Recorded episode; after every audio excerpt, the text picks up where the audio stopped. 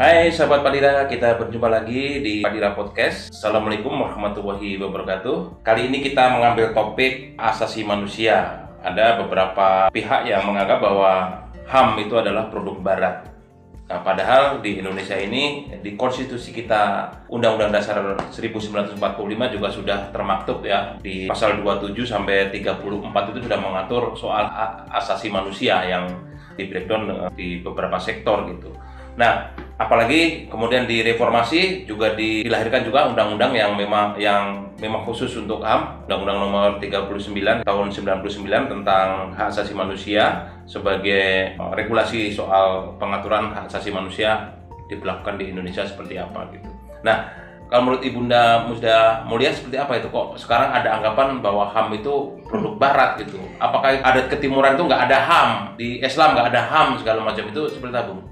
Ya itulah kesalahpahaman yang muncul di masyarakat tetapi ini nggak muncul begitu saja ya Mas Lukman. Jadi ada upaya-upaya yang sengaja dibangun di masyarakat untuk membenturkan antara HAM dan nilai-nilai keagamaan.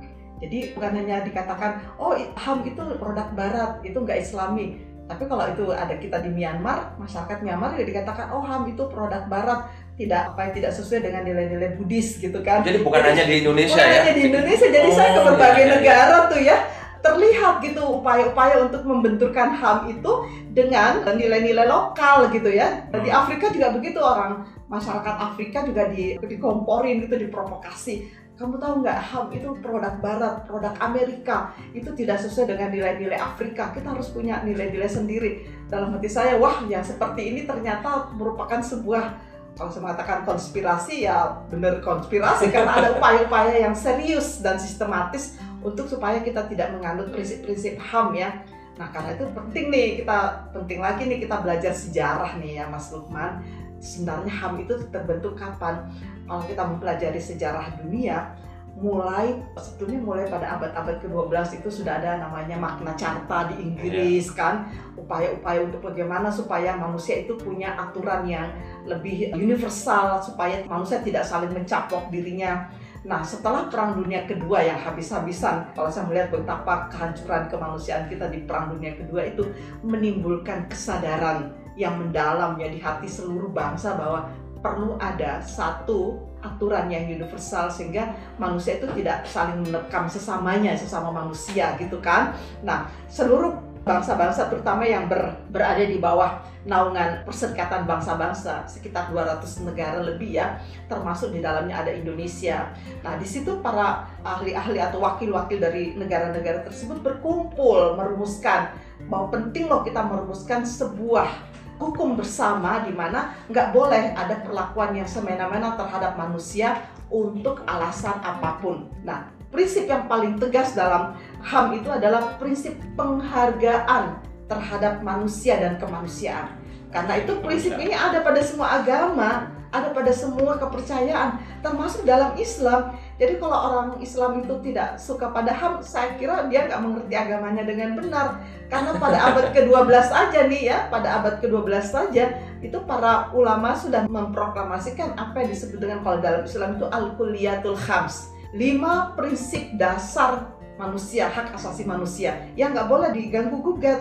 Jadi kalau dalam Islam itu sudah ada Al-Kuliyatul Khams, Islam pada ini baru pada abad ke-12 ya, ada apa yang disebut dengan maqasidus syariah bahwa Islam itu harus tujuan objektifnya adalah menyelamatkan ya hak-hak asasi manusia yaitu pertama hak hidup.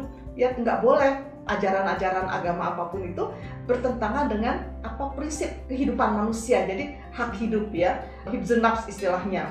Jadi manusia itu harus dijaga kehidupannya.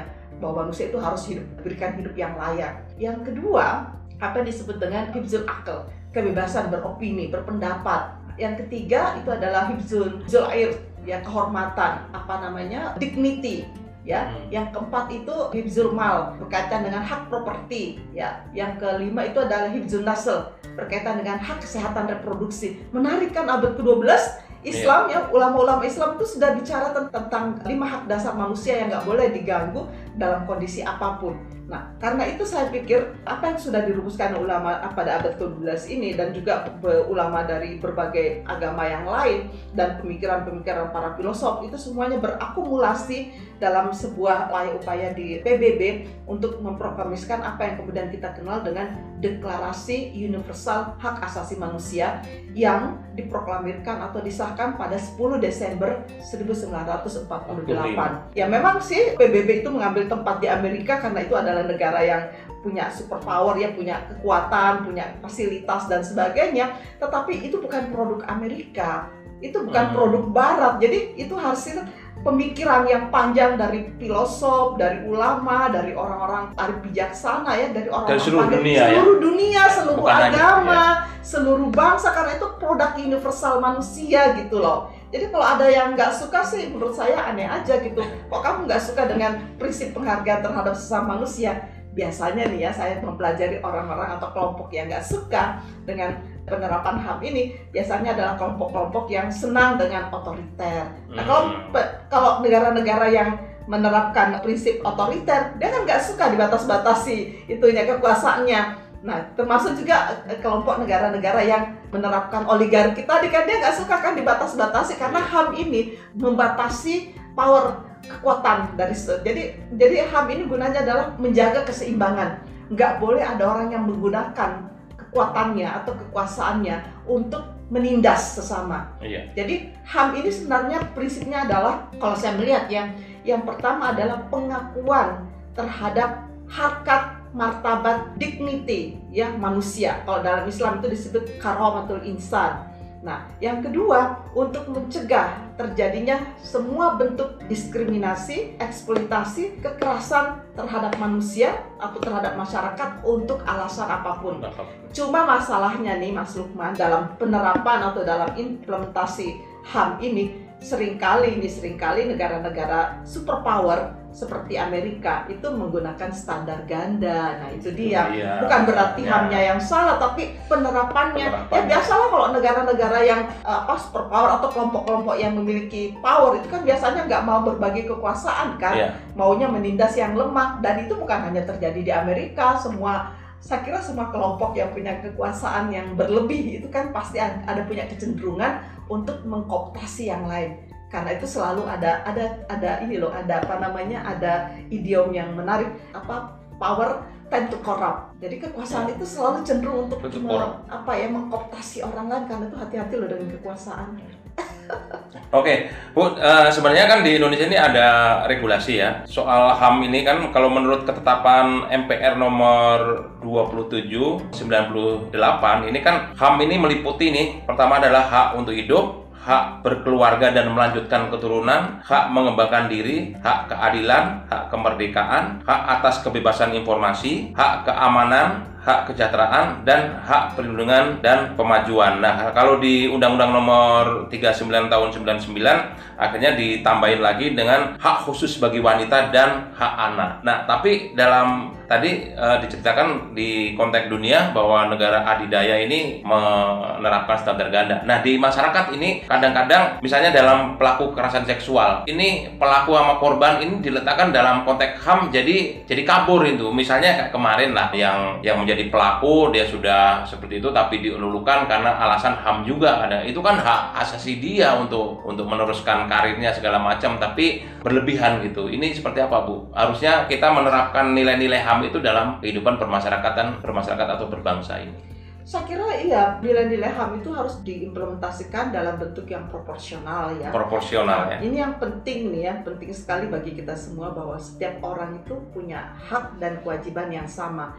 Bicara tentang hak itu kita berarti tidak lupa pada kewajiban. Banyak kan yang menyerang apa ya, menyerang konsep HAM ini. Wah HAM itu kok cuma bicara hak, kewajibannya mana gitu kan. Padahal kalau kamu bicara tentang hak itu berarti sudah implisit bicara tentang kewajiban. kewajiban karena saya punya hak untuk apa namanya untuk bicara. Tapi juga saya punya kewajiban untuk menjaga bicara saya itu tidak tidak provokatif Tuh. ya. Tidak asal bunyi bicara harus punya fakta. harus ya bicara bukan hoax ya. Bicara yeah. bukan fitnah.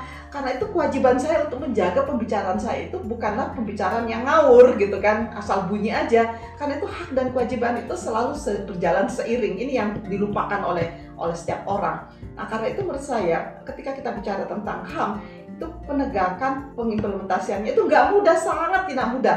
Karena terus terang ya ketika saya belajar eh, HAM satu tahun nggak belajar HAM itu di Universitas Lund ya di Swedia itu pulang hanya ingin menerapkan hak hak para pekerja ya pekerja rumah tangga itu nggak gampang karena sebagai majikan saya pasti lebih suka supaya haknya pekerja itu tidak terpenuhi kan? Ya, karena saya kan lebih betul. suka lebih suka mementingkan diri saya kan begitu.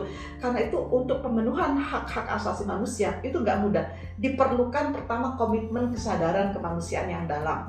Yang kedua kemampuan untuk untuk berbagi kekuasaan. Dan yang ketiga adalah pemihakan yang kuat. Nah sering kali negara ini nggak bisa. Kenapa? Karena nggak punya kemampuan nggak punya komitmen politik. Jadi mestinya kan negara punya kewajiban nih memenuhi hak-hak terutama kelompok yang rentan supaya mereka itu nggak nggak apa ya nggak terlantar.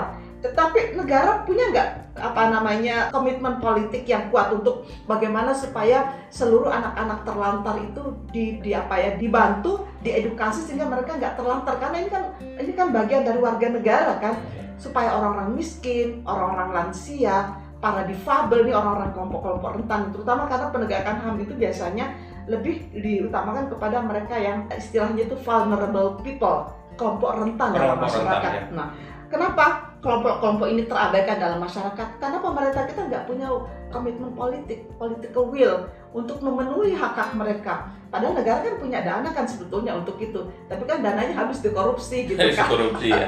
Tapi Bu, eh, yang menyebabkan kenapa orang mendikotomikan antara HAM terus kemudian dengan ajaran Islam, Muslim atau agama lain itu kan tadi Ibu menyontohkan ternyata bukan hanya di Indonesia itu terjadi. Iya Itu betul. kenapa itu sering Ya. begitu? ada ada arogansi gitu untuk tidak mau berbagi kekuasaan karena mene- menegakkan HAM itu nggak gampang loh. Contohnya gini ya, sebagai seorang katakanlah ya, sebagai seorang saya sebagai seorang majikan ibu rumah tangga ya, saya memiliki pe- pekerja rumah tangga.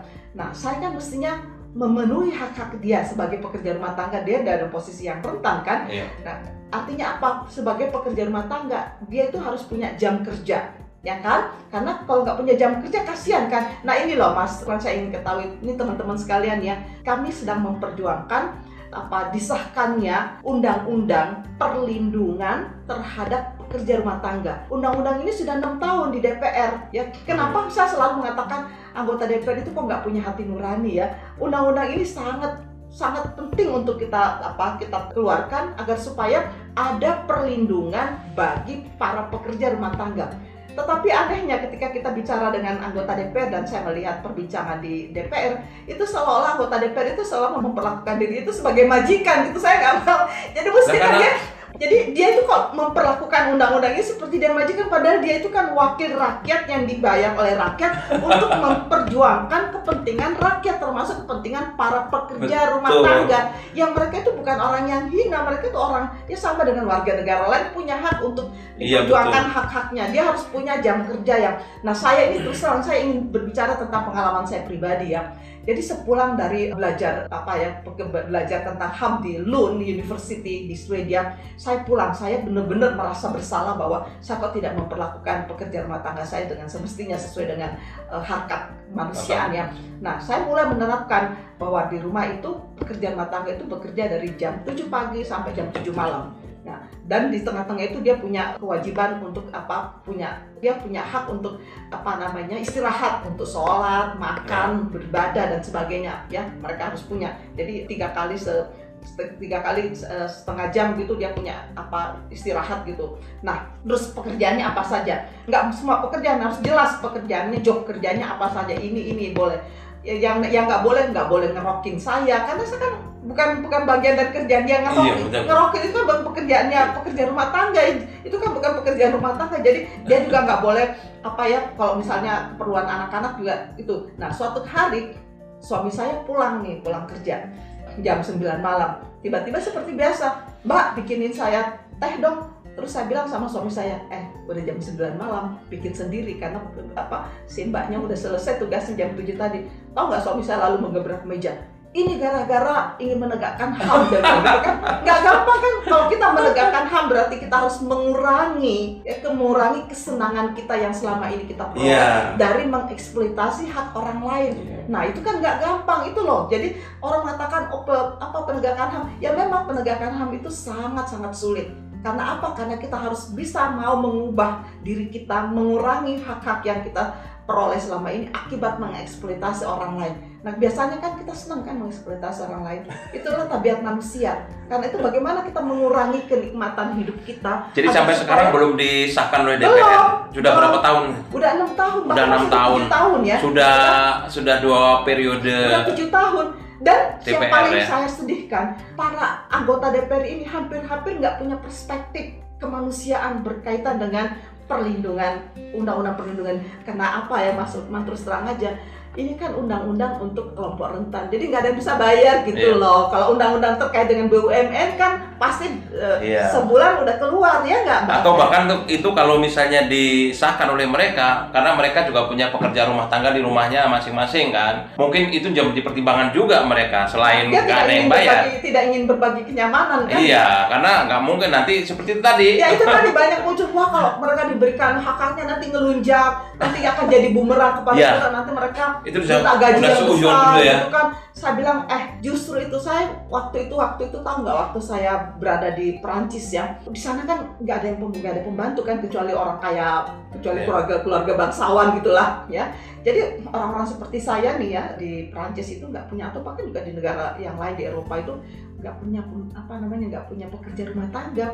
Jadi pertama kan saya heran kok bisa ya orang hidup nggak ada pekerja rumah tangga? Ternyata apa saya mem- saya memperhatikan orang-orang di negara-negara maju itu nggak punya pe- pekerja rumah tangga yang pertama karena ya mereka di- punya sudah punya mesin-mesin yang canggih kan jadi mereka terbantu oleh kecanggihan mesin-mesin itu. Dan yang kedua karena di rumah tangga itu mereka berbagi tugas Mas Lukman. Hmm. siapa mengerjakan apa ya tergantung ke kesepakatan bersama. Kalau misalnya si istri lagi eh, hektik ini banyak kerjaan nah yang kerjaan itu suaminya anaknya. Jadi waktu itu saya sebulan ya berada di Paris berada saya sebelum saya sengaja tidak tinggal di hotel tinggal di rumah teman saya yang punya anak dua. Jadi saya mulanya berpikir aduh gimana ya saya ini sambil kan saya mau mengajar kan di sana. Saya kan harus eh, sibuk dengan mempersiapkan bahan-bahan pelajaran bahan-bahan pengajaran kan di, di universitas ya.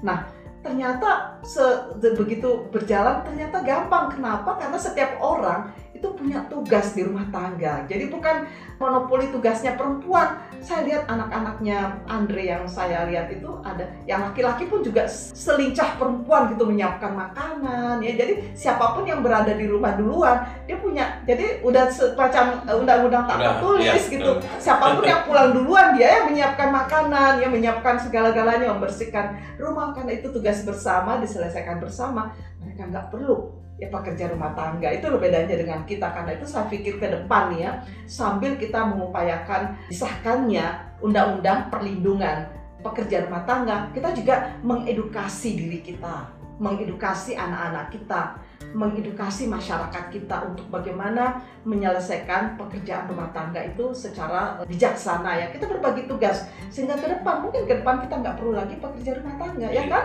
nggak perlu lagi. Jadi kalau kita misalnya perlu-perlu banget kita kan bisa ya seperti dikerjakan oleh Gojek nih sekarang kan ada tuh yang apa istilahnya yang Go clean. go clean. Ya kita bisa mengundang mereka dan membayar sesuai dengan jam kerja Iya. dan apa gitu. Nah yang diperlukan di sini adalah terkait dengan hak-hak para pekerja adalah bagaimana kita menghormati para pekerja itu apa pun namanya pekerja rumah tangga pekerja di luar rumah tangga hak-hak mereka sehingga mereka itu punya perlindungan dari bentuk eksploitasi Nah, kalau tidak dilindungi kasihan kan mereka, Iya. nggak ada yang yang melindungi dan mempertimbangkan keselamatan kerja untuk mereka juga. Karena itu sebagai pekerja rumah tangga dia berhak dong untuk mendapatkan cuti, mendapatkan istirahat, Libur, mendapatkan eh, pen- apa gaji yang layak. Jadi jangan digaji yang semurah mungkin ya, karena ini juga berupa eksploitasi. Karena itu saya pikir ya, apa konsep hak asasi manusia secara umum itu adalah sangat mulia menurut saya karena itu adalah sebuah upaya untuk memuliakan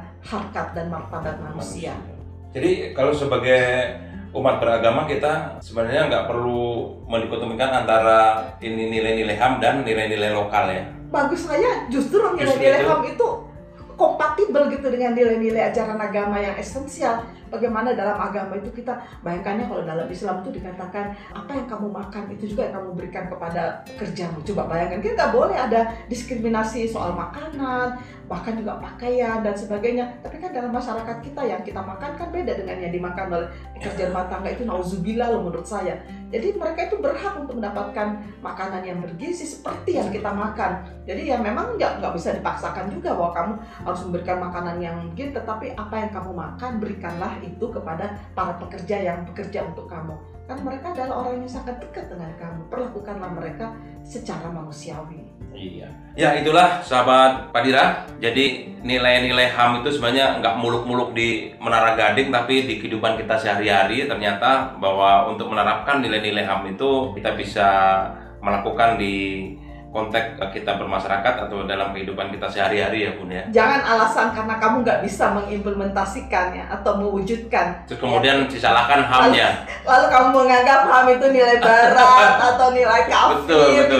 Karena kamu nggak bisa menerapkannya dalam kehidupan sehari-hari lalu kamu menyalahkan konsep konsepnya Konsep, ya. Konsepnya, Aduh, ya. sorry ya. Jadi marilah kita membaca kan itu sekali lagi pentingnya tolong deh belajar dulu ya baca dulu itu yang lagi-lagi soal itu. literasi yang harus nah, ditingkatkan. Tapi juga ada satu hal nih Mas Lukman mumpung kita bicara tentang hak asasi manusia. Nah, kalian nih umat Islam, kalau kalian gak setuju dengan deklarasi universal yang dibuat PBB tahun 1948, ingat ya ketika kita saya menyebut PBB itu berarti mewakili seluruh negara, seluruh bangsa yang ada di dunia ini. Bukan hanya bangsa-bangsa barat aja ya, bangsa-bangsa timur juga masuk. Nah, kalian boleh memilih ada yang namanya deklarasi Kairo, sebuah bentuk HAM perspektif Islam yang dilahirkan oleh OKI. OKI itu adalah Organisasi Konferensi Islam, sebuah uh, lembaga yang mewakili negara-negara Islam di dunia yang jumlahnya sekitar 52 negara. Karena itu sebuah HAM versi Islam itu sudah dideklarasikan di Kairo tahun 1991. Karena itu please kalian baca ya kalian baca itu deklarasi Kairo bahwa ini adalah sebuah upaya yang dilakukan oleh Eh, negara-negara Islam sedunia yang jumlahnya sekitar 52 negara dan di dalamnya itu para ulama diikut sertakan untuk membicarakan dan merumuskan HAM versi Islam. Islam. Karena itu nggak ada alasan ya kalian umat Islam untuk tidak me, apa tidak mengakui dan mengimplementasikan HAM dalam kehidupan nyata sehari-hari karena sudah ada nih versi untuk uh, kalian sebagai umat Islam. Iya. Oke, berarti memang dengan penjelasan ibunda tadi HAM itu universal. nilai universal dan dilahirkan oleh bangsa-bangsa di dunia bukan dari barat ya. Oke itu saja pembicaraan tentang HAM kita akan berjumpa lagi di lain kesempatan. Wassalamualaikum warahmatullahi wabarakatuh. Salam. Salam Padira